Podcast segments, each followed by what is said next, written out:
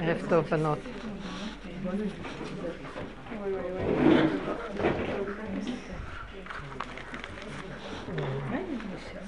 באמת, אה,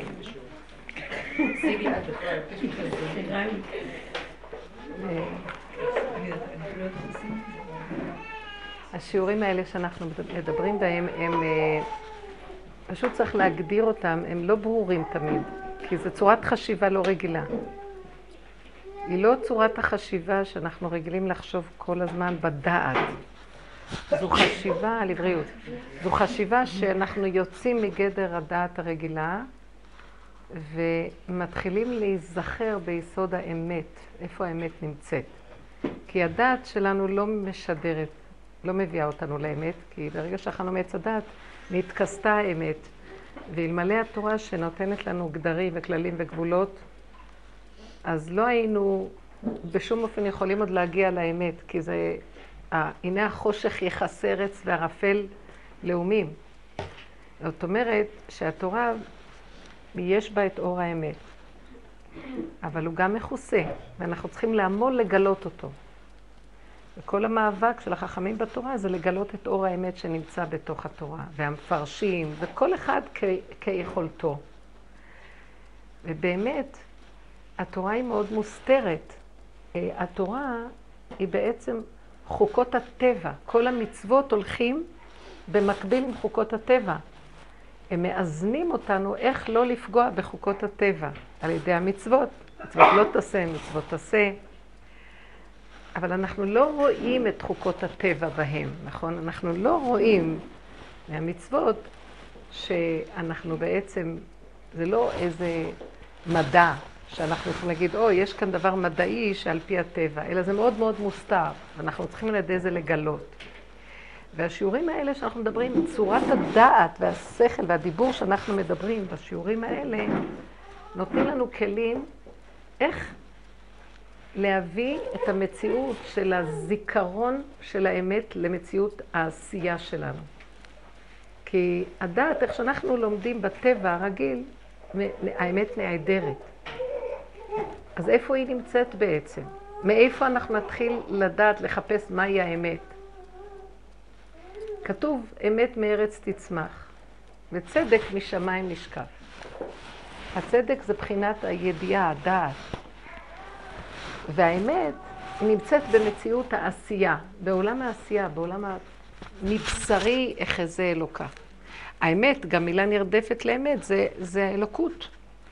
כי האמת כוללת את החיובי והשלילי, את הטוב והרע, היא מה שבאמצע ביניהם, כמו מידתו של יעקב, והאלוקות היא גם כן כלולה משני דברים. הלוא השם יתברך, מלא כל העולם כבודו. אז גם הטוב וגם הרע, הכל ממנו. מפי עליון לא תצא הרעות והטוב. הכוונה, העליון כולל גם את הטוב וגם את הרע. רוצה לומר, מפי עליון במגילת איכה, לא תצא הטוב או הרע.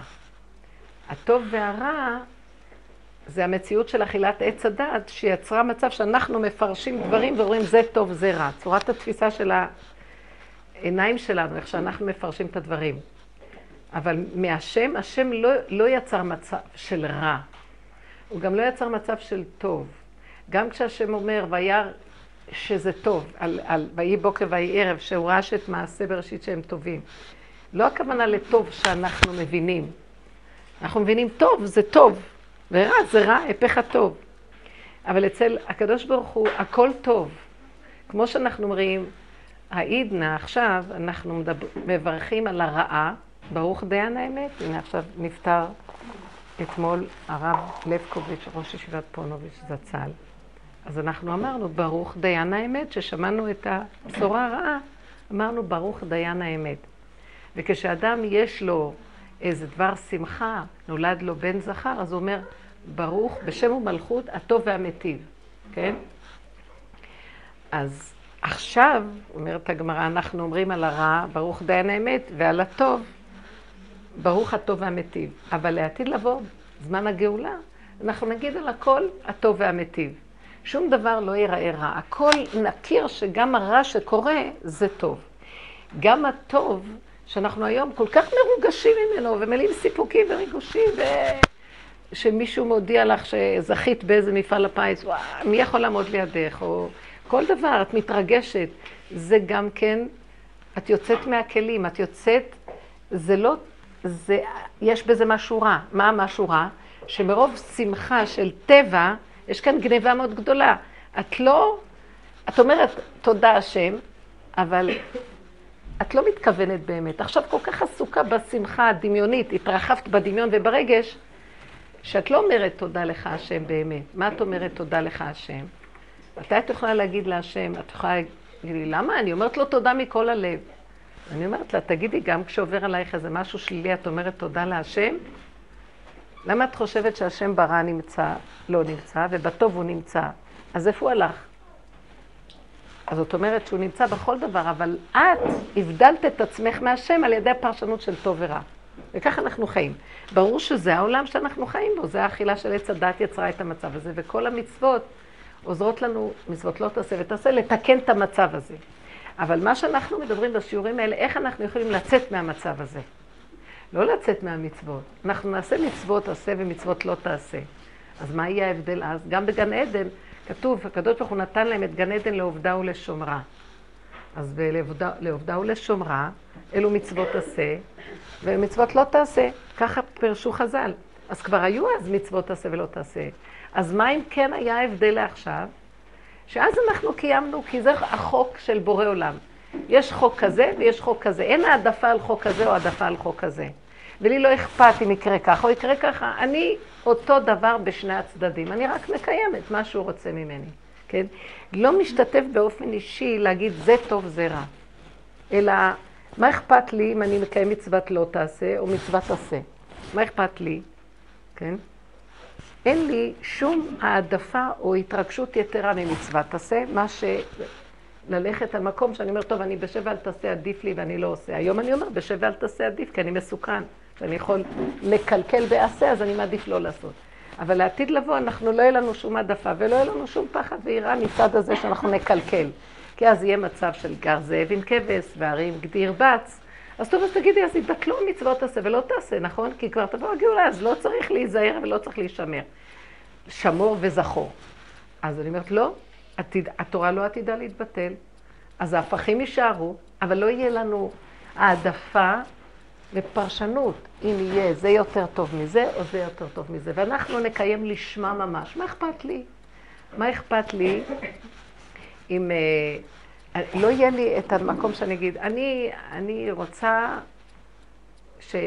כמו שמישהי אמרה לי, אני לא רוצה חתן נמוך, אני רוצה חתן גבוה. והיא אמרה שמאוד קשה לה עם חתן נמוך. בסופו של דבר התחתנה עם בחור נמוך ממנה. אז uh, אמרתי לה, אז איך עשית כזה דבר? שאת לא, אפשר מזגן קצת, אין אוויר. אז אמרתי לה, איך עשית דבר כזה ומה קרה? אז היא אמרה לי, תעזבי שטויות, רק ראיתי אותו, נגמר הכל. התפעלתי. מה גרם? היא כל כך הייתה בדעתה, כי הדעה שלה הייתה חלוקה, והיא ידעה מה היא רוצה בדעתה, דעות. כשזה בא למציאות, הוא נכנס, נכנסה שכינה איתו, נגמר. שכינה פסקה את העסק, ולא ראתה, לא גבוה, לא נמוך, לא כלום, התחתנה איתו. ברוך אתה אדינו אלינו, מלך עולם שהכל נמצא. זה המצב שאנחנו רוצים להגיע אליו. איך מגיעים? זה השיעורים האלה. איך במצב שהדעת שלנו עדיין פועלת, ויש לנו כרגע עדיין את הפרשנות בין טוב לרע, איך במצב הזה אני רוצה להגיד, אני מכינה את השבת. השבת זה הגאולה. איך אני עושה, את, והכינו את אשר יביאו. איך אני עושה הכנה, שזה לא פתאום תבוא השבת ואני עוד אשאר ואני שונאת אוהבת. לא שונאת, לא אוהבת. איך שזה ככה, זה בורא עולם. אמונה פשוטה. אין לי העדפה על כלום. אבא זה אתה, אם אשק שמיים שמעת, והציע שאולי נקע. אשק כנפי שחר, אשכונה באחרית ים, מה אכפת לי אם אני במזרח או במערב? העידנה, אנחנו אומרים, אני במערב וליבי במזרח. אני שואף להיות בירושלים, אני לא סובל שאני נמצא בגלות מערבית. לעתיד לבוא, כל העולם יהיה בחינה של ארץ ישראל. ולירושלים תהיה בחינה של כל ארץ ישראל. בית המקדש יהיה כל ירושלים. הכל יהיה בחינה של קודש. הכל יתקדש. איך אנחנו מגיעים למקום הזה שהכל מתקדש? כבר, עוד לפני שזה מתקדש. וזה סוד השיעורים שלנו. אנחנו מתרגלים איך להביא את הדעת, למה אנחנו צריכים לתרגל קודם? בגלל שיש לנו הרבה כאבים מהכן ומהלא. ולקראת הסוף השם מבלבל אותנו, זה כמו זמן לידה, ואת כבר לא יודעת מה חיובי, מה שלילי, הוא מבלבל לך הרבה דברים, הרבה דברים שהם מאוד ברורים בדעת. היו דורות, שאנשים ידעו מה עושים ומה לא עושים. היום את לא יודעת, מישהו עושה ככה, מישהו עושה ככה. הכל נראה משונה, ואסור להגיד לאף אחד שום ביקורת, כי, כי זה לא דמוקרטי. כי אדם יעשה את הדברים הכי משונים, ואת לא יכולה להביע, להגיד כלום. הוא ילך עם בגד הכי משונה ברחוב. פעם אישה הייתה הולכת עם בגד לא צנוע, היו יכולים, אה, לא יודעת מה, לזרוק עליה משהו. עכשיו המשטרה תבוא ולא, ויתפסו את הבן אדם הזה וישימו אותו בכלא. למה השם עושה ככה? מה הוא רוצה מאיתנו? לא שאלתם שאלות כאלה? זאת אומרת שהוא לא רוצה שמבחוץ יכריחו אותנו. אנחנו שואפים לאיזה דבר ויכפו עלינו מבחוץ. הוא רוצה שאנחנו מבפנים נבחר. ואף אחד לא יגיד לאף אחד מה לעשות, כי כל אחד לבד לא יכנף עוד מוריך. ולא ילמדו זה את זה, כי כל אחד יכיר את האמת, את, הוא יהיה המורה של עצמו. כי הוא, יש לו שינוי בצורתו, בכליו, במוחו, בהרגשותיו, והוא יודע הכי טוב מה האמת עם עצמו. למה אני עכשיו צריכה לשמוע ממורה שילמד אותי? כי אני לא יודע, אני עצלן, ואני ישן, אז מישהו צריך להעיר אותי, אבל אם אני מתעורר, מי צריך אותו? אנחנו נהיה קשורים, כל אחד באופן ישיר עם השם יתברך. וזה, אני מדברת על הדברים שקשורים במידות והנהגות. תמיד יהיו לנו תלמידי חכמים, ואז לא רק שיהיו תלמידי חכמים, כולם יהיו חכמים. ועמך כולם צדיקים לעולם ירשו ארץ. וזה השאיפה לגאולה. אנחנו לא רוצים להיות בגאולה שנזדקק זה לזה. זה נקרא ולא יכנף עוד מוריך. וכתוב שהקדוש ברוך הוא עתיד לעשות מחול לצדיקים, והוא יהיה במרכז, וכל הצדיקים יהיו בקוטר או ברדיוס שווה ממנו. המרחק מהקצה למרכז, כן, יהיה שווה. למה? יש צדיקים שונים, וכל אחד מישראל הוא משהו אחר, אז איך? אבל אצל, אצל השם, מה הוא רואה? שכולם שווים ברצון להגיע אליו. וכולם ממצים את הרצון במאה אחוז להגיע אליו. בשבילו כולם צדיקים ששואפים. זה בצורה הזאת, וזה בצורה הזאת, וזה בצורה הזאת, ובצורה הזאת. האם אני יכול להגיד לך באיזה כמות תשאפי להשם? זה דבר פנימי שלך. העבודה הזאת היא שייכת לבן אדם עצמו. אבל מה, אני יכולה לתת מכת התעוררות. ואתן יכולות לקחת את המכה, ויש אחד שישב שם ויפתח, ויש אחד שיתרדם עוד פעם, אז עוד פעם ועוד פעם. וכל העבודה היא פה לרדת מהמוח, שהוא הכללי, ושאנחנו סומכים עליו. אה, אנחנו סומכים.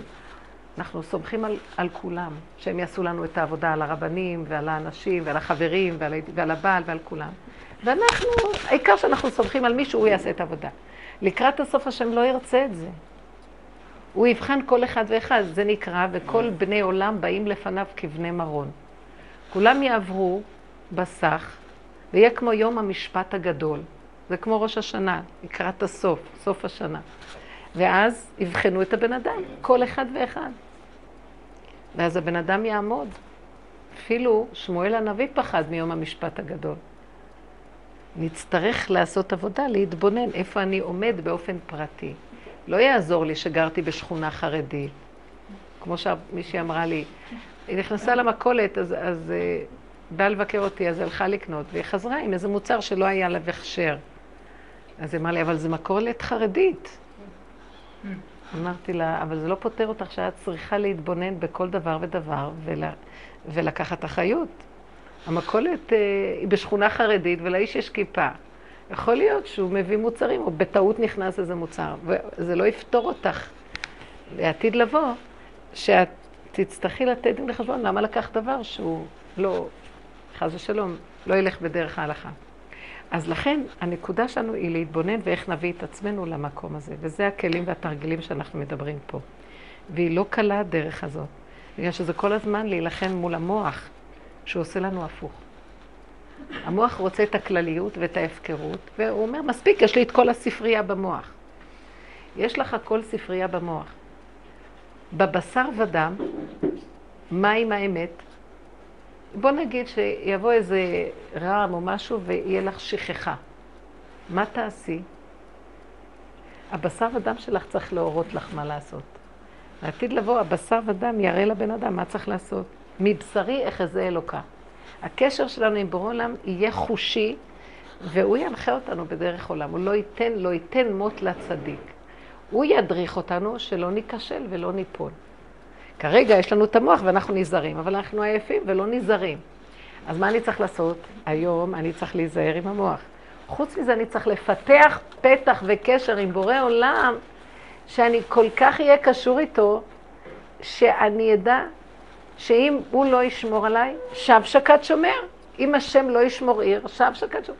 אני צריך כל הזמן להגיע, אז אני מצד אחד לא יכול לוותר על המוח, אבל זה הולך, העבודה לקראת הסוף תהיה שאני כל הזמן אצטרך גם לאחוז בצד של המחשבה, וגם להוריד את המחשבה ל"והשבות האלה לבביך".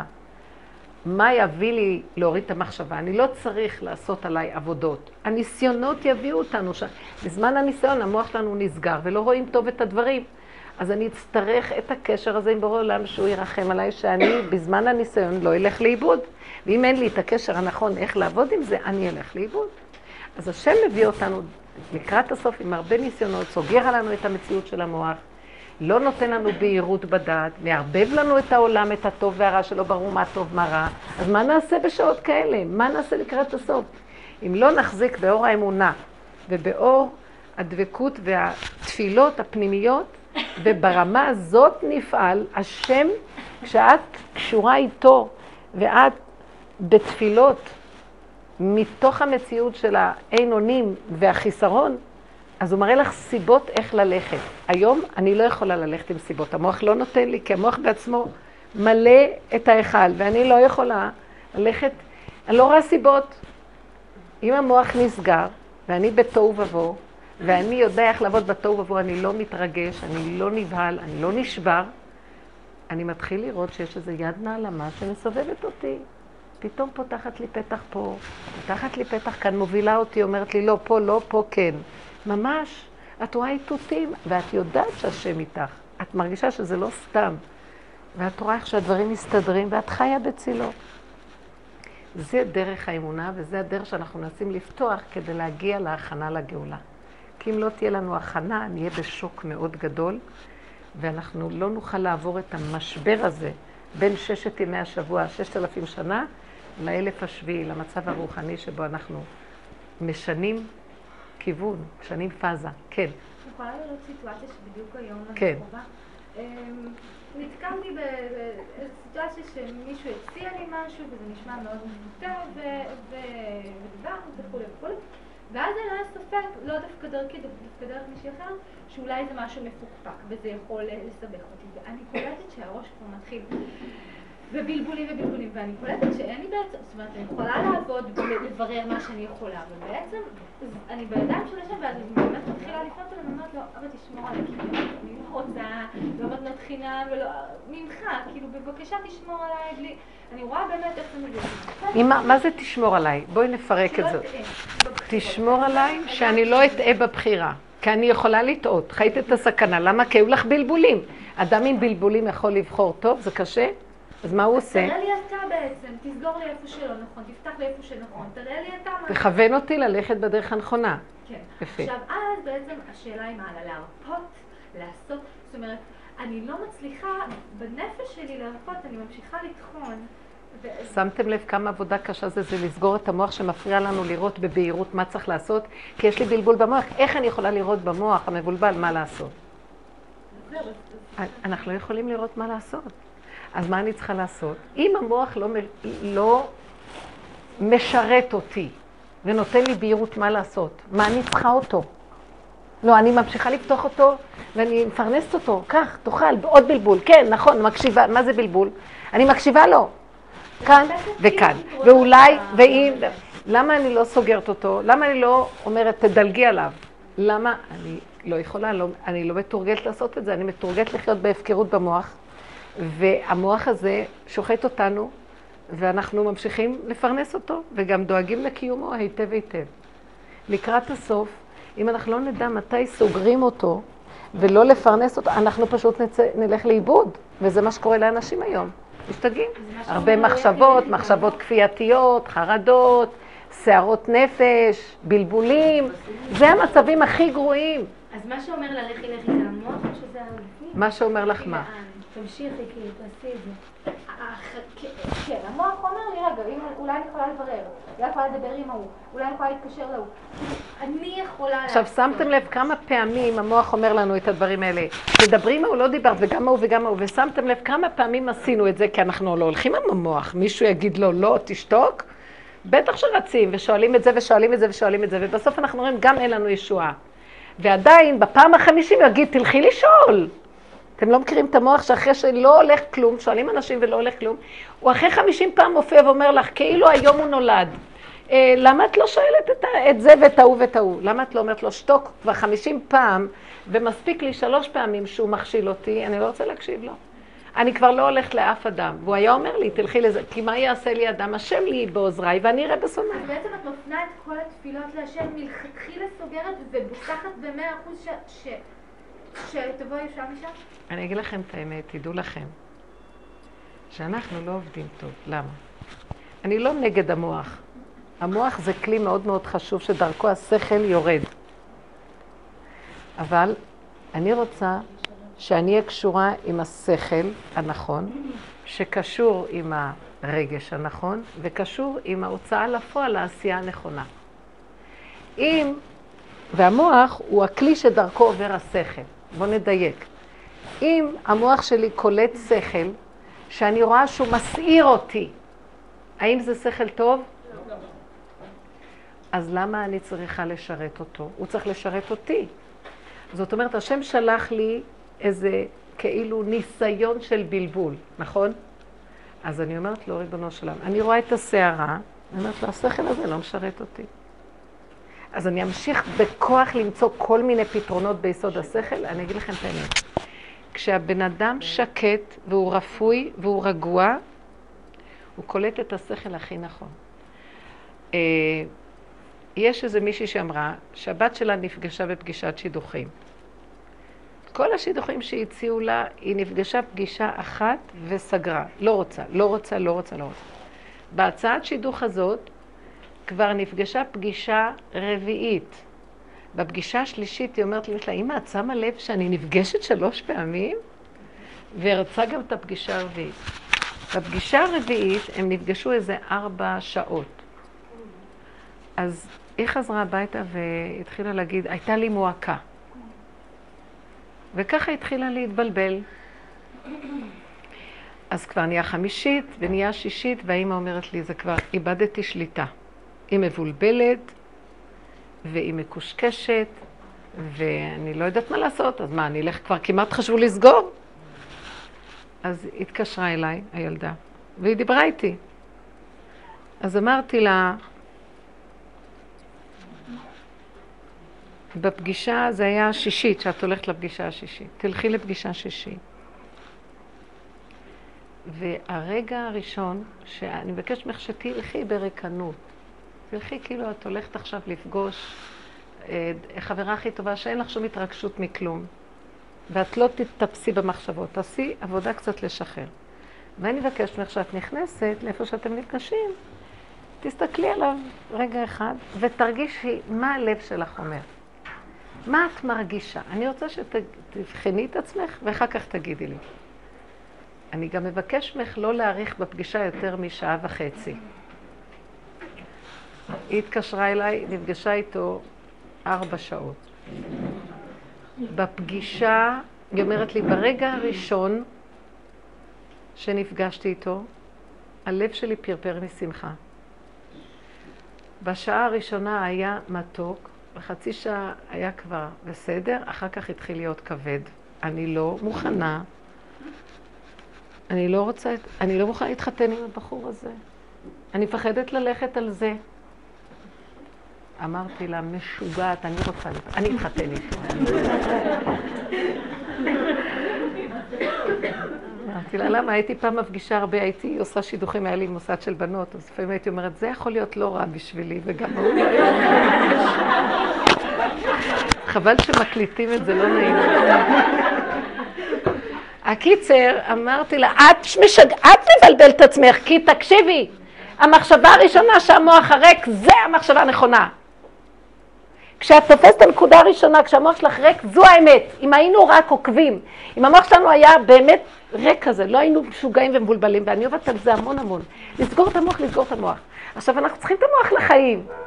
אני סוגרת. כשאני לא צריכה אותו, אני סוגרת. שמה אני צריכה אותו? כשאני נוחרת בלילה, אני צריכה מוח? לא, סוגרים אותו. אז למה הוא כל היום פתוח? גם בחלומות הוא פתוח. אז כשאני צריכה אותו, אני פותחת אותו. אני פותחת אותו, הוא אומר לי, טיק, זה בורא עולם, דרך המוח נכנס. המוח שייך לבורא עולם, אתם לא מבינים? זה הכלי שלו, להעביר לי את המסרים שלו במחשבה. אני מפספסת, מתבלבלת. אמרתי לה, המחשבה שלך לא הייתה נהדרת. אחרי זה באו בלבולים, אמרתי לך, אל תיפלשי יותר משעה, שעה וחצי, כי זה אין לכם כבר, אין על מה לדבר. די, דיברתם, ליבנתם. מה, את חושבת שמתחתנים אז כל היום מדברים? אצלנו זה מסתכם ב"תעביר את המלח". תודה. זהו, מה צריך לדבר? יש לו את העיסוקים שלו, יש לך את שלך, ויש מפגשים שהעיקר של החוויה בתקשורת הזוגית היא חווייתית, היא לא אינטלקטואלית. אוי ואבוי מה שזה עושה האינטלקט הזה. אז מה קרה? כאן התבלבלות יתר. אז היא הקשיבה לי. אמרתי לה, אני, נכון שסיפרת לי מה שהיה, עכשיו אני רוצה לייצג לך את המוח הנכון. את עכשיו מייצגת את המוח המבולבל, אני, אז את שכחת את המוח, את הרגע הנכון, ואני אזכיר לך אותו, כי אני כאילו באה לעזור לך להיזכר בו. ועכשיו נראה מי ינצח. אני זה את בחלק הראשון שכבר כיסית ושכחת, והשלילה נערמה לך, והיא מציירת לך את הכל חשוך. ואז היא, היא אומרת לי ואני עונה לה, והיא אומרת לי ואני עונה לה, ובסוף היא אומרת לי, נכון, את צודקת. כאילו, היא אומרת לי, אין, אה, אין מה להגיד, הוא לא מוציא מילה מהפה. אמרתי לה, אבל את זוכרת איזה כיף היה שרק נכנסת ורק התרונן לך הלב? אין, אין הרגשה יותר מתוקה שאין ספק בכלל, נכון? אה, נכון, היא זכרה את זה. כל פעם הזכרתי לה דבר טוב שהיה. ניסיתי להרחיב לה לפי מחשבתי, איך יכול להיות שנחמד וזה מדברים, מעניין, שיחה כזאת. עכשיו באה השלילה, לא ידעה לי מה לענות, בסוף אמרתי לה, את רואה? תלכי על, על מה שהיה בהתחלה ותסגרי את התיק. זה מאוד מפחיד, אה, מאוד מפחיד לנעוד, כאילו שפתאום אתה מרגיש ריק במוח, אני יכולה, מעט אה, תחושות שעוברות בי, בהתחלה יש בזה בעלה מאוד גדולה. ופעם אמרת לנו לא להיבהל מהבעלה הזאת, זאת אומרת, גם בבעלה, לדעת שזה קיים. למה את מבוהלת? כן. למה? למה בא לך בהלה? כן, שלא עלית למוח שריק. נכון. ההרפאיה מגיעה, נכון. אין שליטה. כן, אני זה שלב מתקדם, אני שואלת, לא שלב- למדתי מדיטציות, הלכתי לכל הרופאים האלטרנטיביים, אני כל החיים של לחשוב, מדיטציה. אוקיי? כן. אני מאוד בתחום הזה, כן? לא לחשוב, וואלה, המוח שלי חושב, אני לא מצליחה, כאילו, זה לא משהו, זה לא שלי. זה לא שלי. או שכן. זה לא משהו שאני בכלל בשליטה עליו. סליחה. אני ראיתי שפשוט לצעוק להשם, עכשיו שירחם עליי באותו רגע, באותו רגע, זה כן. הדבר היחידי שיכול לעזור לי. נכון. את שומעת הבעלה סליחה. טוב, את לא, את אה, לא מרוכזת עם השאלה שלך. לא נורא, תעזבי את זה עכשיו. אני אומרת שמה שהיא מציעה לך, שבאותו רגע שיש לך מעמסה במוח, תלכי על תפילה בלב, תסגרי את המוח, אל תלכו, כשיש מעמסה ובלבולים, להמשיך עם המוח. אל תפרנסו אותו בשעה הזאת, כי זה, הוא, לא, הוא, לא, מצ- הוא לא משרת אותנו נכון. אה, אם את רואה שהבעל, את מבקשת ממנו משהו והוא מתנגד מאוד מאוד, תפסיקי להגיד מילה. תלמדי לדעת מתי נועלים וסוגרים. זה לא אומר שאת מוותרת על המוח, זה אומר שכרגע זה לא משרת. אתם מבינות מה את מדברת? את אמרת לילד תשפוך את הפח, הילד צועק, רב, מכה את אח שלו, וזה עכשיו לא מבקשים, זה לא אומר שעוד כמה דקות שיתראה, לא תגידי לו. תבינו מה אני מדברת. המוח יש לו מקום מאוד חשוב, אותו דבר הרגש, אבל באיזון נכון. כשזה משרת את הקו. עכשיו, השירות הכי נכון והכי ישר, שבו באמת רואים גילוי אלוקות, שמוח ורגש ועשייה הולכים בקו ישר. זה, זה זה. גילוי שכינה. עכשיו, מה קורה? המוח מבולבל. עכשיו, אנחנו מאמינים לבלבול, ואז נסערים ברגש, והידיים והרגליים הולכים אל החלקוז, את יודעת מה לעשות עכשיו קודם. ועכשיו הילד הראשון שבא חוטף סטירה. זה יפה? ככה זה נראה, איך שאנחנו נראים. או שאת הולכת לקנות משהו בסערה כזאת, ואת קונה את הדבר שהכי לא רצית לקנות, ואת מוציאה על משהו לא נכון, או שאת שורפת את הסיר, או מה לא. ועכשיו, זה המצב שלנו בהקמומיות שלנו. כשאנחנו נתבונן מה אנחנו עושים בעבודה הזאת, אנחנו מתחילים לראות את, את הקלקול שלנו. אנחנו עסוקים בלראות את השקרים ואת הפגמים. אנחנו לא עסוקים בלחפש טוב. שמעתם? תעזבו אותי עם השקר הזה שנקרא טוב. כי החושך מכסה ארץ וערפל לאומים. ועכשיו מעני, מאוד מעסיק אותי איך אני אכיר מה המניעות שלי, מה הקלקול שלי, לא מה הטוב שלי. כי כרגע אני בסערה, כרגע אני בבלבול, כרגע אני בהתרחבות, כרגע אני בדמיונות, כרגע אני בכאבים. אז מה אני אלך להגיד? לא, תעזבי את זה ולכי לטוב? לא. כי מה שאני עושה, כאילו אני דוחה את הקץ, והרע מחכה לי בסיבוב עוד פעם להתקיף אותי. אני רוצה לעבוד עבודת שורש. אז אני רוצה להבין מה מונע ממני, למה יש לי בלבול? למה אני סוערת? אתה מבין מה אני מדברת? ואז אני רואה למה אני סוערת, למה אנחנו סוערים. כי נכנסה מחשבה ואנחנו מרחיבים אותה ומתרגשים איתה והולכים לאיבוד. אם המחשבה הזאת מביאה לי שמחה וזה שייך וזה עובד, בסדר, בזהירות. ואם לא, למה אני צריך להתבלבל איתה? ואני מתבלבל איתה, כי אנחנו בדור של דעת ורחבות הדעת. ובאמת, זה, זה כל הקלקול, הקדוש ברוך הוא ברא עולם, הוא לא ברא אותו כזה מגושם כמו עכשיו. זה כתוב בספרי, בספרים הקדומים, ספרי הקבלה. הקדוש ברוך הוא ברא עולם שהמדרגה שלו הייתה לא, לא בשרית כמו שהיום, בבשר, יותר עדינה, מדרגת נפש. היה, היה בשר, אבל הוא היה דק ועדין. הוא לא היה מגושם. אכילת עץ הדת הגשימה את העולם וירדנו ל... הכנסנו את הבריאה שהשם ברא להגשמה מאוד גדולה. מה זה הגשמה? נכנס לך איזה מחשבה, את מתרחבת איתה מדי, מתרגשת מדי, עושה פעולה, פעם, פעמיים, שלוש, ארבע, עכשיו הגשמת את המחשבה, זה כבר נהיה דפוס חיים, עכשיו את חיה לפי צורת החשיבה, איך שסידרת לך את החיים. אדם רגיל לצעוק, כי משהו מסעיר אותו, פעם, פעמיים, שלוש, אז ככה זה מתחיל להיות, דפוס כזה. אישה, אה. התחתנו, בונים בית. התגובה הראשונית שלה לבעלה, אה, נראה לך.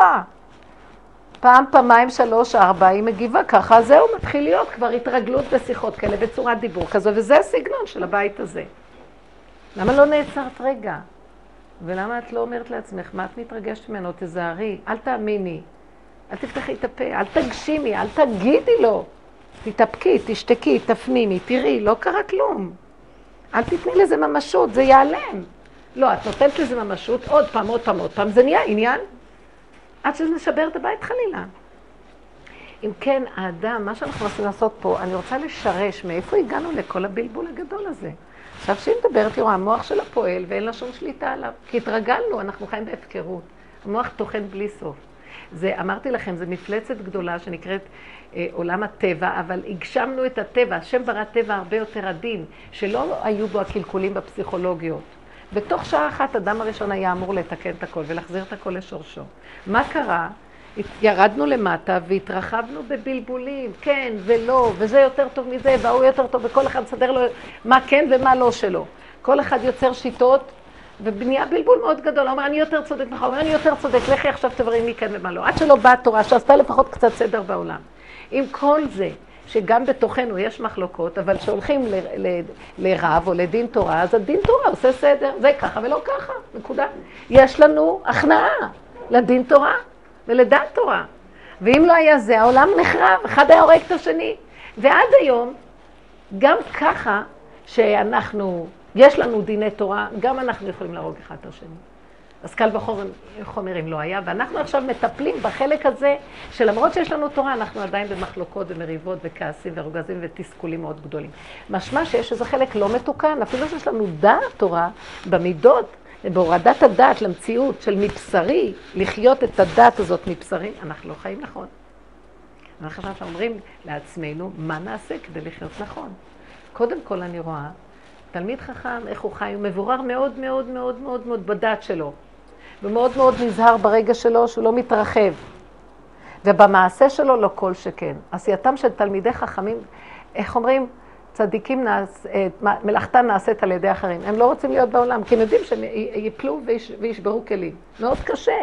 בייחוד היום, אנשים עושים הרבה חסד ועשיות והכול, 80 אחוז גנוב. לכבוד שלהם, לממון, לכל מיני דברים, עושים מזה עסקים, הכל חופשי חופשי, מה, בלי בושה אפילו. בסדר, לא אמרתי שלא. שיכירו את האמת ויגידו, סליחה. אה? לא, כשצדיקים מלאכתם נעשית בידי אחרים, זה מזכיר לי את בעלי בשבת. איך הבעלים מנצלים אותם, אנחנו עושים את מלאכתם. אה, מה מזכיר לך, שמה? שוב, הוא מפחד לזוז בשבת, ואני זו שצריכה לחנך את השבת, כי אני צריכה להביא לו את הזה, ו... אז למה, אז למה, למה... ישבן, אז אני חייבת לפתוח את המים החם, את יודעת. כן, אז למה, למה אנחנו...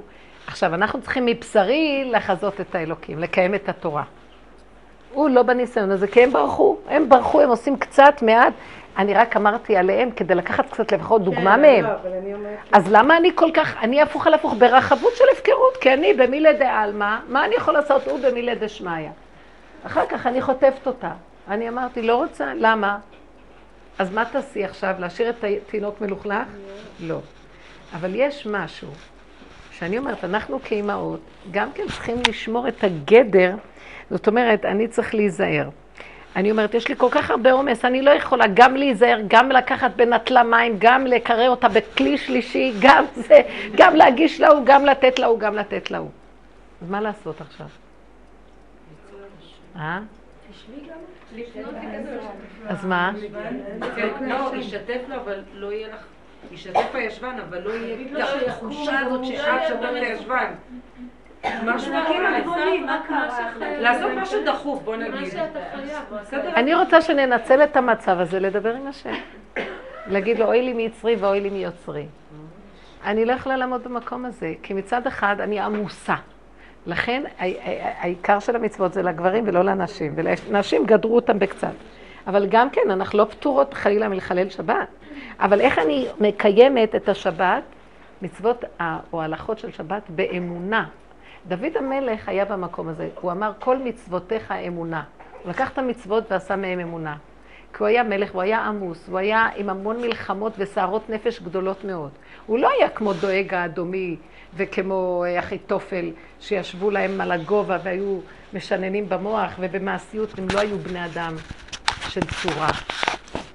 אבל הוא רצה להיות גם זה, וגם, הוא לא יכול את הכל, אז הוא היה צועק להשם בלי סוף, וזה קישר אותו לבור עולם, ואז הוא הרגיש שיש מי שמחזיק אותו, ששומר עליו. שאם לא, הוא לא יכול להחזיק מעמד, אם השם לא ישמור אותי, אני לא יכול להחזיק מעמד, עכשיו שקד שומר. זה הביא אותו למקום של קיום המצוות בחוש, בבשר ודם עם בורא עולם. ככה, ההוא שומר את המצוות דרך השכל שלו והדעת שלו ואני, אבל זה לא חוכמה, כי הוא מטיל על השני תפקידים אחרים שיכול. כן, הוא בורח באיזשהו מקום, כי ככה קיימו בגלות את המצוות ואת התורה. אז היה איזה קורבנון פה וקורבנון שם. אבל לעתיד לבוא השם יגיד, כולם צריכים לקיים. אז איך נעשה? לא אגיד, לא, האישה פטורה. לא, כולם בנים אתם להשם. אז איך נקיים? איתי. אני, אני אספק את זה לכם. איך תהיו קשורים איתי. ובמקרה כזה, מה הייתי לוקחת את המקרה הזה ומסתכלת עליו? אומרת, ריבונו שלם. אני אגיד לכם את האמת, אני הרבה מדברת עם נשים ואומרת להן, בנות, ת, תעבדו רק על הבהלה שלכם. אל תאמינו לבהלה. יש לך ילד פה ואת צריכה להגיש את השולחן ולסדר את זה ולסדר. אם את נכנסת לבהלה ולחץ, את עובדת עבודה זרה באמצע שבת. תרגעי ותגידי לאט לאט. כל רגע והעניין שלו. שבת זה כל רגע, זה להמחיש את ההווה כל רגע, בלי סערה. אסור להצטער בשבת. שבת היא ממחישה לנו את אה, עבודת האמונה האמיתית שאנחנו צריכים להתאמן עליה כבר באמצע השבוע. אני רואה, אני הולכת מהר מהר, המוח שלי רץ מהר. אני לא רוצה לרוץ, המוח מריץ אותי, המחשבות, ככל שאת עושה פעולות מהר, גם המוח, הכל טוחן.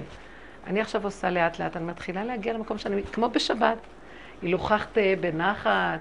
עכשיו אני נכנסת לצער, אני אומרת, אסור להצטער. איפה שיש צער, שכינה לא נמצאת. אז עכשיו אני צריכה להיאבק עם עצמי, לא להאמין למחשבות שלי שמצערות אותי. שקר וכזב, אין אף אחד עכשיו. מה את חושבת מה יהיה בעוד כמה שעות? עכשיו אין כלום. עכשיו הילד הזה בוכה, כי כואב לו, שורף לו, את צריכה לנגב. עכשיו, הילדה צועקת שהיא גם צריכה, שתלבישי אותה.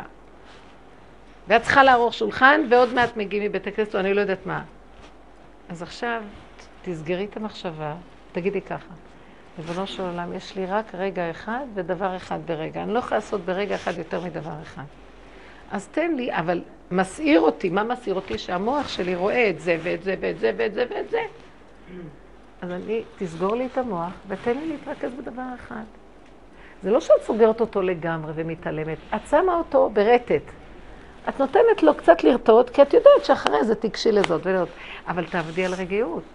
אם את לא נותנת לסערה להוביל אותך ולבלבל אותך, אז את במקום טוב. פה נכנס בורא עולם. עוז וחדווה במקומו. אז זה דבר שאת יכולה לתרגל אותו? למה לא? למה לא? את יודעת איפה את צריכה להגיע? אני אגיד לך למה. מה, עכשיו, בסדר, תשובה. למה, למה אני לא יכולה? למה אני לא יכולה? כי אני אחוזה בתפקיד שלי יותר מדי. יש לי שמונה ילדים קטנים. שמונה ילדים קטנים זה מונח פה. אין לי רק רגע אחד ורק ילד אחד שצועק עכשיו. ואם שניים, שלושה צועקים באותו רגע, יש אחד שהוא קודם תמיד, נכון? כן. או שתחליטי את מי קודם. אז מתבטל כל השמונה פתאום, זה דמיון במוח. זה מסעיר אותי, שמונה במוח יש לי, מונחים כל הזמן. בלילה, ביום שמונה, שמונה.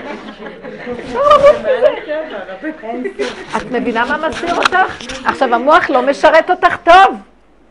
הוא מציג לך תמונה, ועכשיו התמונה לא זזה. בינתיים זה הלך לישון, זה קם, זה שתק, זה אכל והוא שותק, זה משחק עם ההוא. אבל לי יש שמונה, זה עומק. הידיעה הזאת, הידיעה הזאת מעמיסה עליי, היא לא משרתת אותי. לסגור אותה. בואו ניקח עוד אלף דוגמאות. הבעל איננו, הוא אמר לי שהוא יגיע רק באחת בלילה. לאן הוא הולך? עכשיו השעה שמונה, הוא יצא מהבית. משמונה עד אחת בלילה אני לא בן אדם. תגידו, אני מזוכיסטית? אז מה אני אעשה? אני אשרת את המחשבה הזאת והיא תהרוג אותי עד הלילה לפחות, אם לא יותר. או שאני אסגור אותה ואני אחיה לפחות עד הלילה. שעה אחת אני אעורר אותה, איפה הוא עכשיו? לפחות אני, אתם מבינים? אני אהיה, אה, איך אומרים, אה, אה, מעודכנת, up to, to date, אני לא יודעת איך להגיד לזה. תדחקי את הלחץ לשעה מסוימת. כן, תדחקי. היה לי בזמנו, במוסד היו לי הייתה לי תקופה מאת השם שהיו לי הרבה משפטים. זה תבע אותי, ההוא תבע אותי, בעל הבית, דברים לא בטבע, שלא הייתה סיבה. ברוך השם, השם הוציא אותי מהדבר הזה. ידעתי שזה ניסיון ממנו. מה הוא ניסה אותי? זה מלחיץ, זה מפחיד גם, נכון? אנחנו מדברים על תביעות של מיליונים. זה מוסד, זה דבר גדול, זה לא... זה מיליון וחצי שקל, זה חמש מיליון פה, כל מיני דברים כאלה. אני לא הייתי יכולה להישרד. היה לי יום שפתחתי את המוח, חשבתי שאני מקבלת אירוע מוחי חס ושלום על שונאי ישראל. ואז ידעתי שאני חייבת לעשות סגירת מוח. ומה עשיתי? עבדתי, צעקתי לקדוש ברוך הוא שירחם עליי. כל זה אתה מסובב לי כסיבה להכין אותי לגאולה. מהי הגאולה? יש בורא לעולם, הוא מנהל את העולם. אתה מזמין אותי, אני אלך כמו כבש שהולך עכשיו, יודע, השור חורש, הוא יודע ימינה, שמאלה, איפה שהבעלים מובילים אותו במחרשה, שם הוא הולך, הוא לא יודע כלום. אז הייתי צריכה, זה מה שהציל אותי, סגרתי את המוח. ומתי הוא נפתח לי? הייתי צריכה בשמונה בבוקר לפתוח, כי בתשע וחצי אני צריכה ללכת. תסגרי את, יש לך עוד שעה וחצי, את משוגעת לפתוח את זה? הגעתי כבר לבית המשפט, אני עומדת לפני הדלת של השופט, זה עשרים דקות קודם. תגידי, את משוגעת לפתוח את זה? יש לך עשרים דקות. את כבר נכנסת לבית הזה, את חכה עד שהוא ייכנס. בית המשפט מפחיד, למה? זה קצת אה, דוגמה של מעלה, הוא הביא אותי שאני אראה איך נראה הדין למעלה, חס ושלום. לא עומדים בפחד. אז כל רגע ורגע הנמכתי, הנמכתי, הנמכתי, הנמכתי, ואחרי זה שהתחיל המהלך, אז אמרתי לעצמי, ומי מי הוא, ומי הם, ומי זה, אין הלא אין עולם, ויש רק אתה חי וקיים. ופתאום הוא נתן לי תמונה וציור. אני השופט שיושב על הכיסא זה בורא עולם. תתייחסי כאילו בורא עולם, עכשיו תפחדי מבורא עולם, לא מהשופט הזה. תזכירי ותתפללי, אבא. וכשעומדים לפני בורא עולם, אומרים לו, תשמע, ככה וככה, זאת אומרת, בורא עולם הקו בזמן דין. אז uh, עומדים בשקט ומבקשים רחמים. והשם ריחם. עכשיו, הנמכתי את הייסורים, כאילו, אנחנו, אנחנו חיים ברמה, והמוח עושה לנו את זה, והרגש הזה, של מזוכיסטים משוגעים, של מהרסים ומחריבים את עצמם, בלי לשים לב אפילו. אם היינו מתבוננים, מה מונע ממני, מה המניעה שלי להיות בשמחה? אני רואה, המוח שלי, אני הרשיתי לו, הרגש שלי, אני הרשיתי לו. אני עושה אלף פעולות. אני הרשיתי לעצמי, את לא חייבת לעשות אלף פעולות. אז לא יהיה זה ולא יהיה זה, אז שלא יהיה זה ולא יהיה זה. מה חייב פיקוח נפש? אני רוצה להגיד לכם, אם היינו משקיעים באמת שלנו ומרגיעים את עצמנו, היינו, שכינה הייתה איתנו. אנחנו מסלקים שכינה עם העצבים והרוגז והבהלה והפחדים. פעם, אני זוכרת שעמדתי ללדת, ומישהי אמרה לי, יש איזו סגולה במאה שערים אצל גברת בלום אחת, עליה שלום. אישה זקנה, לא אשכנה, אבל אישה מבוגרת קצת. ויש לה איזה משהו, אה, ספר אלימלך מליז'נסק. אז עד שהסתובבתי בסמטאות, נכנסתי, עליתי, אתם יודעים איך זה מאה שערים. מדרגות על מדרגות, לולייניות, נגמרות המדרגות של האבן, נהיה מדרגות לולייניות, נגר... מדרגות חבלים כמעט, מה לא... עד איזה... את אומרת, איזה כוחים. דופקת בדלת, פותחת את הדלת, כי זה נראה דלת שהיא פתוחה, אבל היא איכשהו לא פתוחה, אז צריך קצת לפתוח אותה. ואז חושך. מה, מי גר כאן בכוך הזה? אני פותחת קצת, דופקת. כן, יו, פותחת לי, לא פותחת, אני פותחת את הדלת, אני רואה בחושך חמה, פני חמה. אישה, פנים זורחות. לשה בצק. בחדר בלגן שלא ראיתי מעולם. כיסאות על השולחנות, קערות הפוכות, פה טיטול זרוק, פה זה... אבל היא חייכה אליי, עם הידיים בבצק. איזה אור היה לה על הפנים, ואיזה סבלנות, ואיזה עידוד היא נתנה לי. אני חושבת שזו הייתה לידה ראשונה. אני מסתכלת, אני אומרת, זה נוגד את כל מה שהולך פה עכשיו. דבר, חדר קטן, והיה שם בטח המטבח, והיה שם בטח, אה, גם אני לא יודעת מה, כל החדרים היו בתוך החדר הזה, עם איזה וילון פה, וילון שם.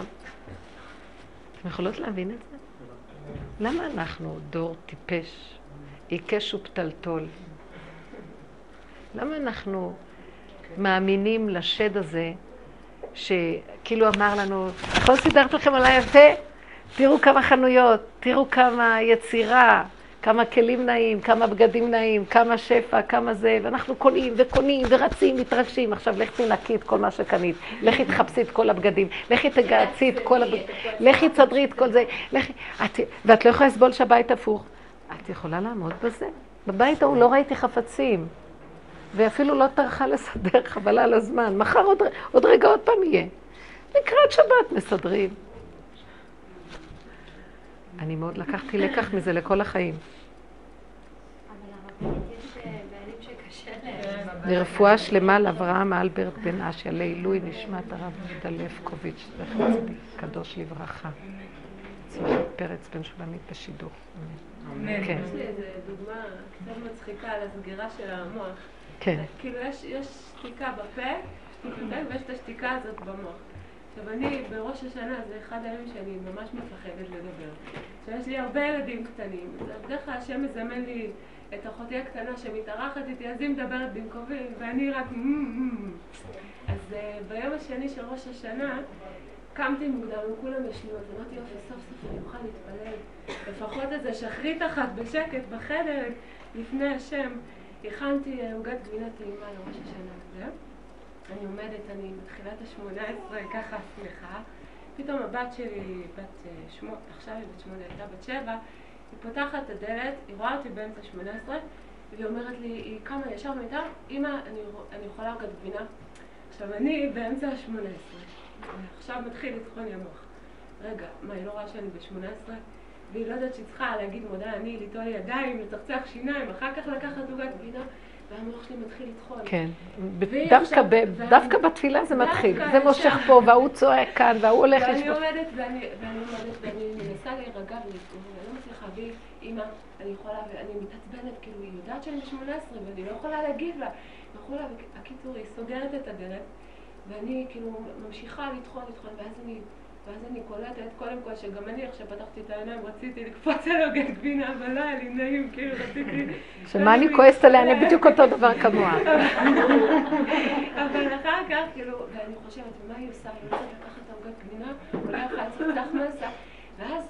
כבר קלטתי שאני כמעט בסוף השמונה עשרה, ואז השם... והעוגת גבינה מלווה אותי לאורך כל הדרך. השם נתן, ריחם עליי, באמת, ריחם עליי, כאילו, הרגשתי שהוא אומר לי, את חושבת שאת שותקת כל הראש השנה, תראי מה זה שתיקה אמיתית. ואז ממש צעקתי עליו, השם, תרחם עליי, הוא גם לוקח לי את התפילה וגם את העוגת גבינה. תסגור לי את המוח, תרחם עליי. ממש. ריחם עליי לגמרי, ממש אמרתי, יאללה שתאכל, כאילו, לא אכפת לי. הוא ריחם, הוא ריחם, ראיתם? אם צועקים עליו הוא מרחם. זה מתוך עבודה. ואז כאילו, ממש, אני זה, אני הגעתי לסוף, עושה שלום ומה, היא פותחת לי את הדלת, היא אומרת לי, אמא, אני יכולה עוגת גבינה, גם עשיתי, אני גם הבאתי ידיים, גם צחצחתי שיניים, אני יכולה לאכול עוגת גבינה. ממש אחרי הצעקה, הצלחתי, כאילו, הוא פשוט טחן אותי עכשיו, כל, כל, כל הראש השנה היה שווה בשביל הניסיון הזה. וואי, וואי. למה? מה אנחנו, כל בני עולם באים לפניו כבני מרון בראש השנה, כמו כבשים. מישהו יכול להרים ראש ולהגיד, איך התפללתי היום? הוא ריחם עליה, הוא שלח לה הפרעה. כדי שלא תגיע לגאווה, אני התפללתי, אף אחד לא הפריע לי, אני השתלטתי על הכל. כי זה כאילו הרמת ראש, כשמרימים את הראש בעדר, רואים את הבן אדם, אומרים לו בוא בוא אתה. אבל אם כולם שמים זה ראשו בזנבו של זה, והולכים יאללה, נו, תעברו, תעברו, לא בודקים את הבן אדם, כי זה יום שבודקים. אז אסור להרים ראש. אז הוא שלח לה עזרה, להביא לה את הדבר הזה. עכשיו, היא לא יכלה לעמוד בזה, אז נתנה לו צעקה.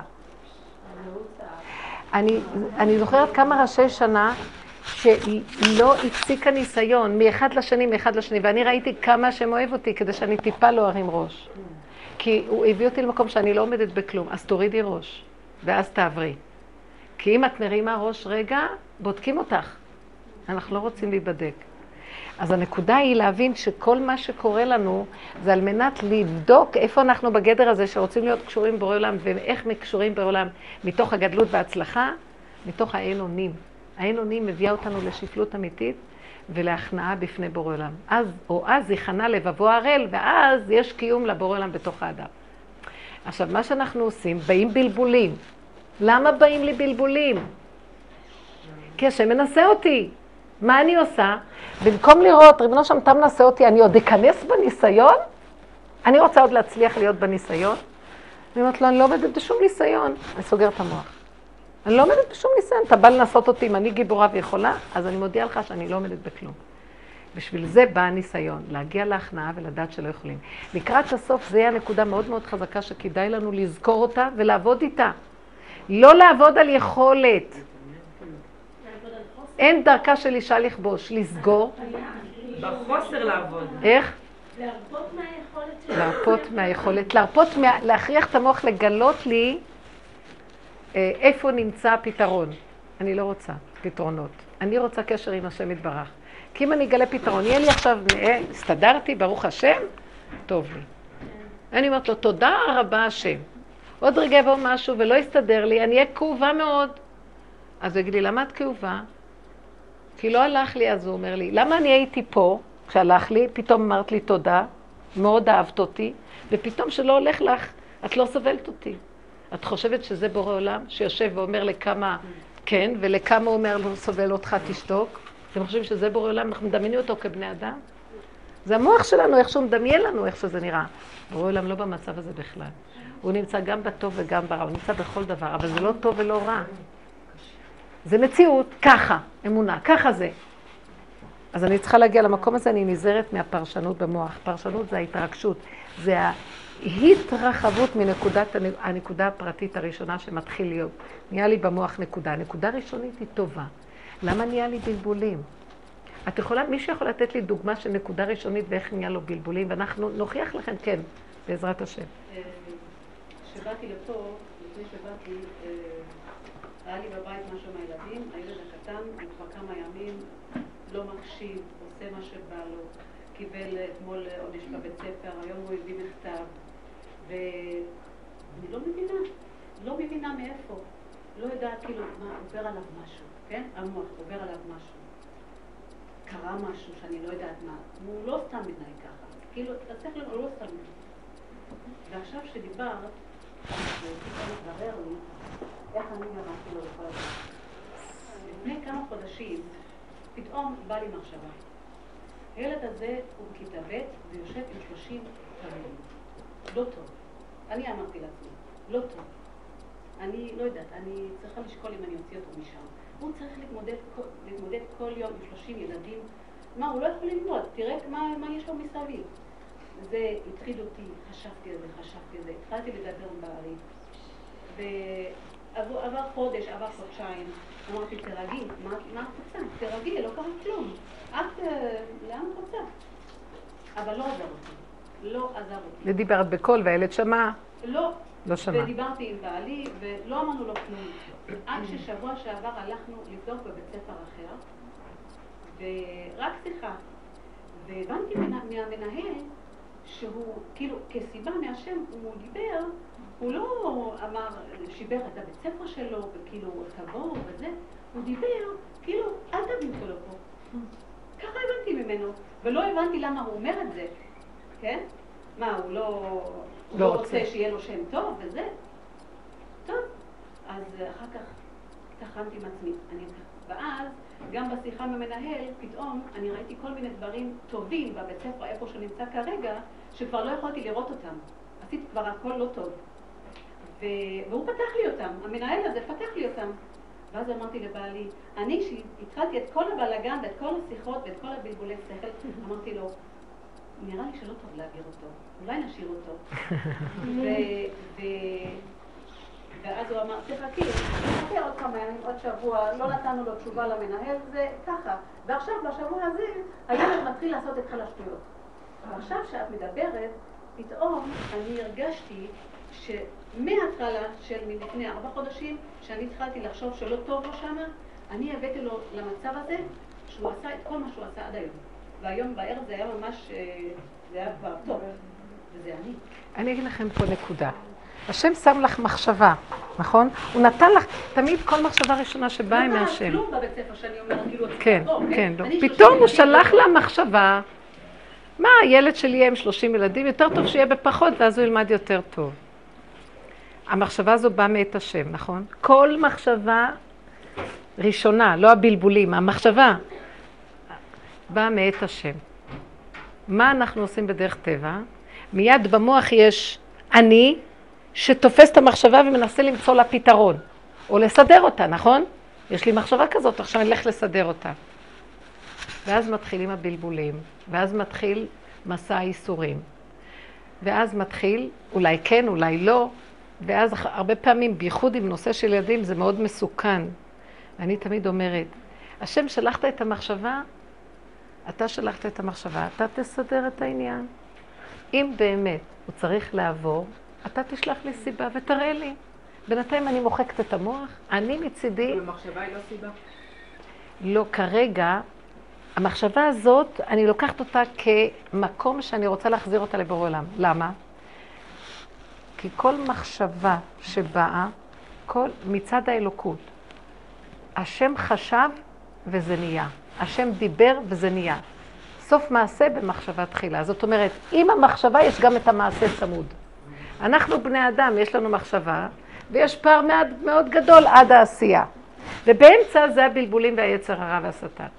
אם אני חוזרת בחזרה ואומרת, ריבונו שלם, אני רוצה לחיות איתך. אתה שלחת לי את המחשבה, כי המחשבות באות ממך. אם אני מתרחבת עם זה, זה כבר האני שלי לוקח את זה. אבל המחשבה הראשונית, ישבתי בשקט, לא היה כלום, פתאום באה מחשבה, מאיפה זה בא? שימו לב, אני יושבת עם אותו, לא, אני כל הזמן יש לי מלא מחשבות. בואו תשרשו איפה המחשבה הראשונה, שלא הייתה קודם. ויש כזה דבר, אם אתם שמות לב לעצמכם, אתה תתחילו לראות את הדברים טוב. אז במקום הזה, את אומרת, אה, שלחת לי מחשבה, אל תפתה אותי לרוץ עם המחשבה הזאת. אני רותמת את הסוס אחרי העגלה. את העגלה לפני הסוס, אני לא. השם, אתה מביא את המחשבה, אתה תביא גם את הסיבה. אם הדברים ילכו ויסתדרו, ויהיה מה ש... דבר שמראה לי איתות, לא ממני, ממך, יתברך. אם היינו עושים ככה לכל דבר ונרגעים, היינו רואים טוב מאוד איפה הסיבות באות. מה אנחנו עושים? לוקחים את המחשבה, מתחילים לחשוב, מתחילים לחשוב, מתחילים להרים טלפונים, מתחילים לישון, מתחילים, מתחילים לפתח את המחשבה. אם נשלחת לנו מחשבה, זה לא אומר שעכשיו אנחנו צריכים לרוץ איתה. תשימי לב. אני מאוד מאוד נזהרת לא לשים לב למחשבות. כי אם כשבא לי המחשבה ואני רצה איתה, אני אחר כך מקבלת פליקים. ואז הוא אומר לי, בבקשה, את רוצה בבקשה? אז תעמדי עד מול העניין ותתחילי... אני, אני בשב ואל תעשה של המחשבה, ובבקשה ותחינה, ריבונו של המטה שלחת, אתה צובב לי את הסיבות. היא שאלה למה הוא מוריד אותם. איך? למה הוא מוריד את המחשבות? את ה... אז זו שאלה מאוד טובה, למה הוא מוריד את המחשבה? מי שאל את השאלה הזאת? מי שאלה את השאלה? מי רוצה לענות? יפה, כדי להמליך אותו, המחשבה שלך, הנשמה לך, והגוף פה לך, סוף מעשה במחשבה תחילה. המחשבה שלך והמעשה שלך, ברגע שחשבת ושלחת כבר יש תשובה. תראה לי. שמתם לב מה קרה לאדם בנחש? אני אראה לך, אתה שב שם ואני ארוץ לעשות. והעגלה נוסעת והבן אדם מרים את השקים ורץ ורץ ורץ. והשם לקראת הסוף, טוב, זה היה מותר לנו לרוץ, כי עשינו את התיקון של האני הטוב מול האני הרע. לעשות מעשה טוב ולא מעשה רע. כי כבר יש אני, אין מה לעשות. עכשיו לפחות נעשה אותו צדיק במקום שיהיה רשע. אבל לקראת סוף הדורות רוצים להחזיר את האני לבעולם ושהוא ימלוך בעולמו. אז הוא שולח לי לנסות אותי. אז אני אומרת לו, בנו שלמה, אתה יודע, אתה יודע שאם אני ארוץ ככה, בואו אני אקח לכם את הדוגמה, פרשת קורח. קורח, ויקח קורח. אז המפרשים שואלים, מה זה ויקח? אז התרגום הוא כאילו, זאת אומרת, התפליג, קורח התפליג. קורח עשה מחלוקת, פלוגתא. ורש"י גם כן מפרש כמו התרגום המקלס. ורמב"ן מפרש דבר יפה, הוא אומר, מה זה ויקח? מלשון לקח. לקח זה מחשבה, לקח טוב נתתי לכם. המחשבה הראשונה זה הלקח, זה ההוראה, זה הלימוד. לקח טוב, זה התורה, תורתי אל תעזוב. אז המחשבה באה לקורח, השם שלח לו מחשבה, קנאה, על התפקידים השונים ושהוא לא מקבל תפקיד. מי שלח לו את המחשבה? השם. המתאוננים והאספסוף אשר בקרבו התאוו תאווה. מי שלח להם מחשבת תאווה? בורא עולם. יש פירוש שאמרתי לכם, שמה, שהסנהדרין אמרו, אם אנחנו אוכלים את המן, אין לנו תאוות, אין לנו בחירה, אין לנו כלום, אז אנחנו צדיקים ואין כלום. אז השם שולח את המחשבה הראשונות להתחיל גירוי, להתחיל שיהיה דבר והיפוכו, הבנתם? הוא שולח דבר על מנת ש... מה? עכשיו, מה הוא שלח לו? למה הוא שלח לו את המחשבה של הקנאה? למה הוא שלח למרגלים פחד מפני הענקים? גם לכלב היה פחד. מה כלב עשה? הוא פחד מהפחד. הוא פחד שהוא ימחיש את הפחד וימרוד בהשם. הוא ידע שהפחד נשלח כדי לצעוק להשם ולהחזיר את זה אליו. אתה מכניס אותנו לארץ ישראל ומראה לנו ענקים, ושכל היום מתים ויש פה צרות. אני יכול לעמוד בניסיונות האלה? זה שלך, אתה תלווה אותי, אם לא, אני לא יכול פה כלום. אז מה הוא עשה? אמונה. כל מצוותיך אמונה. דוד המלך לקח את התורה ועשה ממנה אמונה, הוא הכניס את השם בתוך המצוות. עוד, עוד לפני הרבה הרבה זמן, והשם אומר לו, זה משיח צדקי, ככה תעשו. עכשיו אנחנו דור אחרון, צריכים לעשות כמו משיח, כמו דוד המלך, כי הוא היה הרועה השביעי, ואנחנו בדור האחרון. אז עכשיו, מה, מה, מה הוא עשה, קורח? על מה, מה זה הוא התפליג? הפליג, מחשבתו הפליגה לו. הפליג והפליג והפליג והפליג, עד שהוא כבר נורא התרגש ונסער. כשסיפרו לנו שאשתו הסעירה אותו, אני אומרת, זה הרגש שלו. אשתו זה מבחינת הרגש. ואחר כך הוא הלך לדתן ואבירם ולכל אלה שהיו מסביבו השכנים, לראשי הסנהדראות, והוא בפועל מוציא את הקנאה בפועל ולא חי את הסכנה בכלל, מה הולך לקרות כאן? עכשיו תגידו, הכל התחיל מזה שהייתה לו קנאה. לא, קנאה זה דבר מאוד חשוב. למה? כי אם אין לאדם קנאה, שנאה, רגש, אין לו כלום. הוא מלאך, שב בשמיים, אתה בא לארץ, יש לך.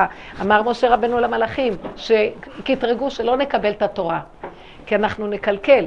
אז הוא אמר להם, השם אמר לו, תענה להם, למלאכים. אז הוא אמר, רגע, כלום יצר הרע יש לכם? אתם לא צריכים תורה. יצר הרע צריכה, התורה צריכה יצר הרע.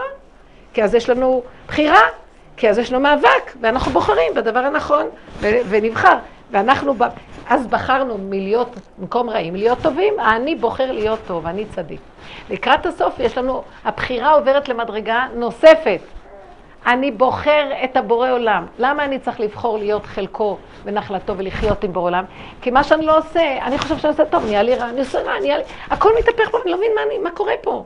אז אם כן, אני חייב אותך, כי אני לא יכול לבד להסתדר פה. השם יסגור עלינו כדי שנכריח את עצמנו להעביר את הבחירה מטוב לרע, לאין עוד מלבדו. כי הטוב ורע כבר לא יהיה משמעותיים עלינו. כבר לא יודעת מי טוב ומי רע, והכל נראה מכוסה ומבולבל. זה השם עושה לנו למה. עכשיו, הוא מביא לי ניסיון, מביא לי מחשבה. אם אני לוקח את המחשבה הזאת, ואני אומר לו, אתה שולח לי קנאה, קורח פשוט עשה דבר אחד לא נכון. הוא הפליג עם מחשבתו. ותראו מה קרה. ברגע, ברגע שהוא הפליג מה... ברגע שהוא הפליג מהמוח לעוד מחשבה, עוד מחשבה, עוד מחשבה, בדרך שאדם רוצה ללך, מוליכין אותו בהשטן וסידר לו גם את אשתו, בזה וסידר לו את דתן ואבירן, בזה סידר לו גם את זה, וככה נהיה. מה אנחנו צריכים לעשות? תפחדו! היא לקחה את המחשבה ורצה איתה.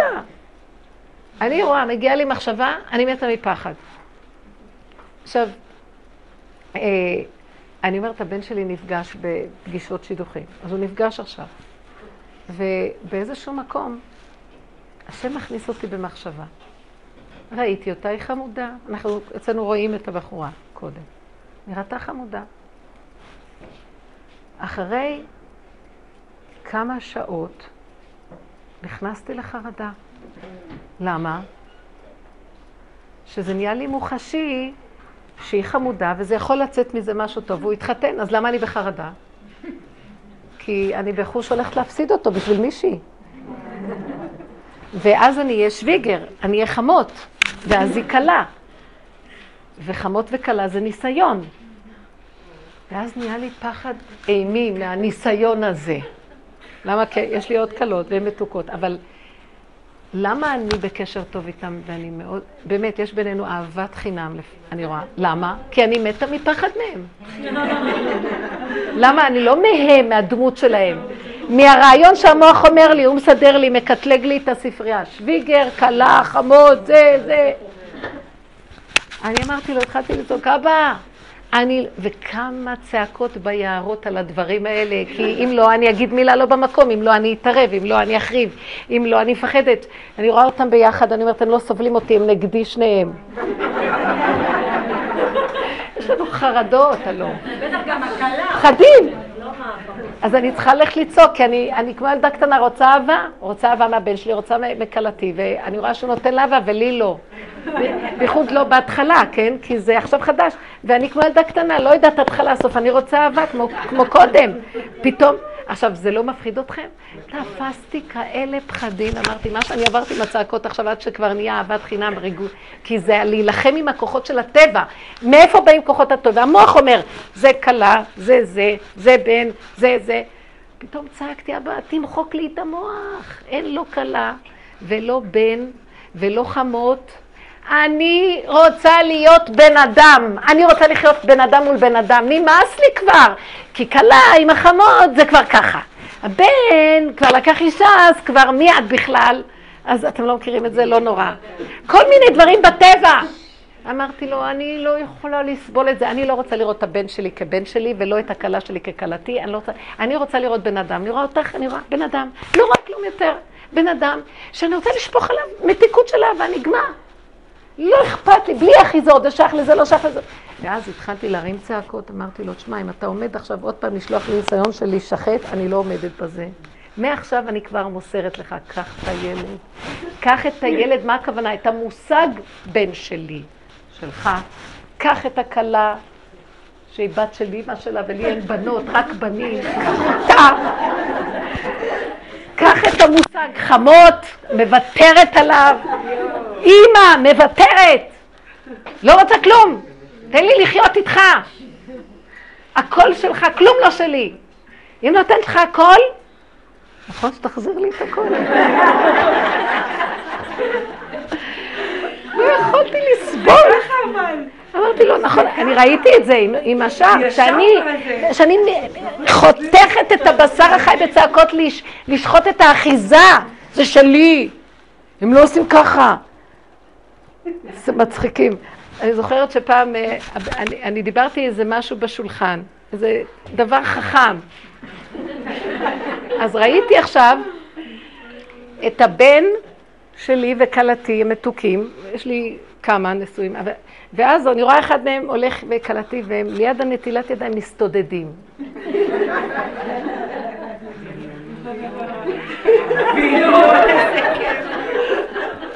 ואז אמרתי, וואו, הם עכשיו מדברים עליי. אחרי רגע, אני, והיה לי כאבים גדולים, ואז אמרתי, זה מחשבה שהשם שלח אותה. תצעקי להשם, את לא עומדת בכלום. צעקי להשם. צועקת, צועקת, שחררתי, צעקתי, כאילו אמרתי לו, אבל אני לא יכולה לעמוד בכלום, לא רוצה כלום. אחרי חמש דקות, הבן שלי וכלתי באים ואומרים לי, כזאת חכמה. אשתי אמרה שכזאת חכמה היא עוד לא ראתה. והבן שלי אומר, את רואה איזה אימא חכמה? לרגע אחד, כאילו, השתגע... אני חשבתי שמדברים, אתם רואים איזה רגשי נחיתות ואיזה מסכנות ואיזה מחשבה הוא הביא לי? ואז מה? הוא ניסה אותי. אם אני אקח את הדבר הזה ואני אסתכסך. ואני אחשוב, לא, איך, אני, איך מסתכסכים? קורח, התפלג! טה, טה, טה, טה, טה. הם לא יגידו לי, לא, נגיד שלא אמרו מילה, אני כבר, uh, כבר אני אסתכל ככה ואני אגיד, יאללה, מי אתם בכלל? כמה שאני עושה בשבילכם, זה מה שמגיע לי, ועוד לא אמרו לי כלום. אתם לא מכירים את זה? השטן במוח משגע את הבני אדם, ואני צעקתי צעקות כאלה ושחררתי, ופתאום הוא עשה לי הפוך. כשמעבירים אליו את הנקודה. עכשיו, אני הייתי צריכה לקחת כמה חודש לזה, הילד, לאיפה אני אשים אותו? רק הוא מכניס לי איזו מחשבה על, על אחד הילדים, אני אומרת לו, לא, לא, לא, לא, לא, לא, לא, ידיי לא שפכו את הדם הזה, אתה תסתדר עם זה, אני לא, אני לא נכנס, אני אשתגע? הילדים יש לנו את הרגישות הכי גדולה. מישהו רק אומר לי איזה דבר, כבר אדם אזיל והפך להיות, אני לא יודעת, נפל אדם ולא יודעת מה נהיה. אנחנו מסוכנים. הבעל אומר איזה מילה, אה, מכתב מגיע מאיזה משהו, כבר את לא בן אדם, אה, על תשלומים ודברים כאלה, כן? הכסף הרג את כולם. אנחנו בסכנה, לא? ולקראת הסוף, זה לא סתם. המוח שלנו פתוח ונחשים ועקרבים נושכים. אתם לא מבינים איך הבני אדם נמצאים בגדר של פיקוח נפש. מישהו עוד חושב שהוא מתמודד? אני אגיד לכם למה אני רואה את זה גדר של פיקוח נפש. ככל שאני נכנסת בעבודת האמת בעדינות ואני עושה, אני נסוגה מהעולם, יותר אני רואה איזה מסוכן העולם. ומי שנמצא בתוך העולם לא רואה כלום. נושכים אותו, עוקסים אותו, לא מרגיש כלום.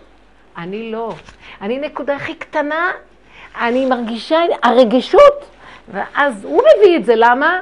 כדי שאני אהיה חייבת להיות עסוקה איתו וקשורה איתו, אם לא, אין לה חיים. כמו שכתוב בילקוט שמעוני, משל לאותו קברניט, שרואה אדם טובע בים, הושיט לו